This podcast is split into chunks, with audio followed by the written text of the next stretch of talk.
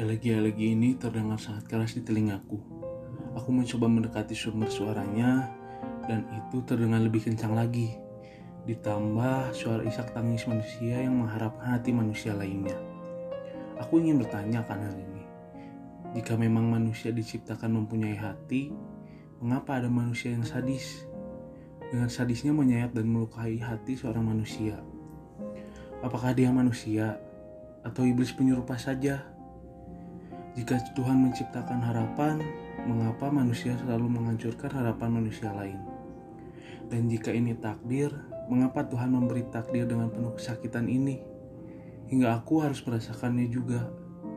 Seperti mereka yang sedang melantunkan elegi itu. Hari ini akan kurayakan kematian hatimu dengan elegi ini. Selamat, kamu telah melukai beberapa mungkin puluhan manusia yang telah kau sayat manusia yang kau bunuh harapannya.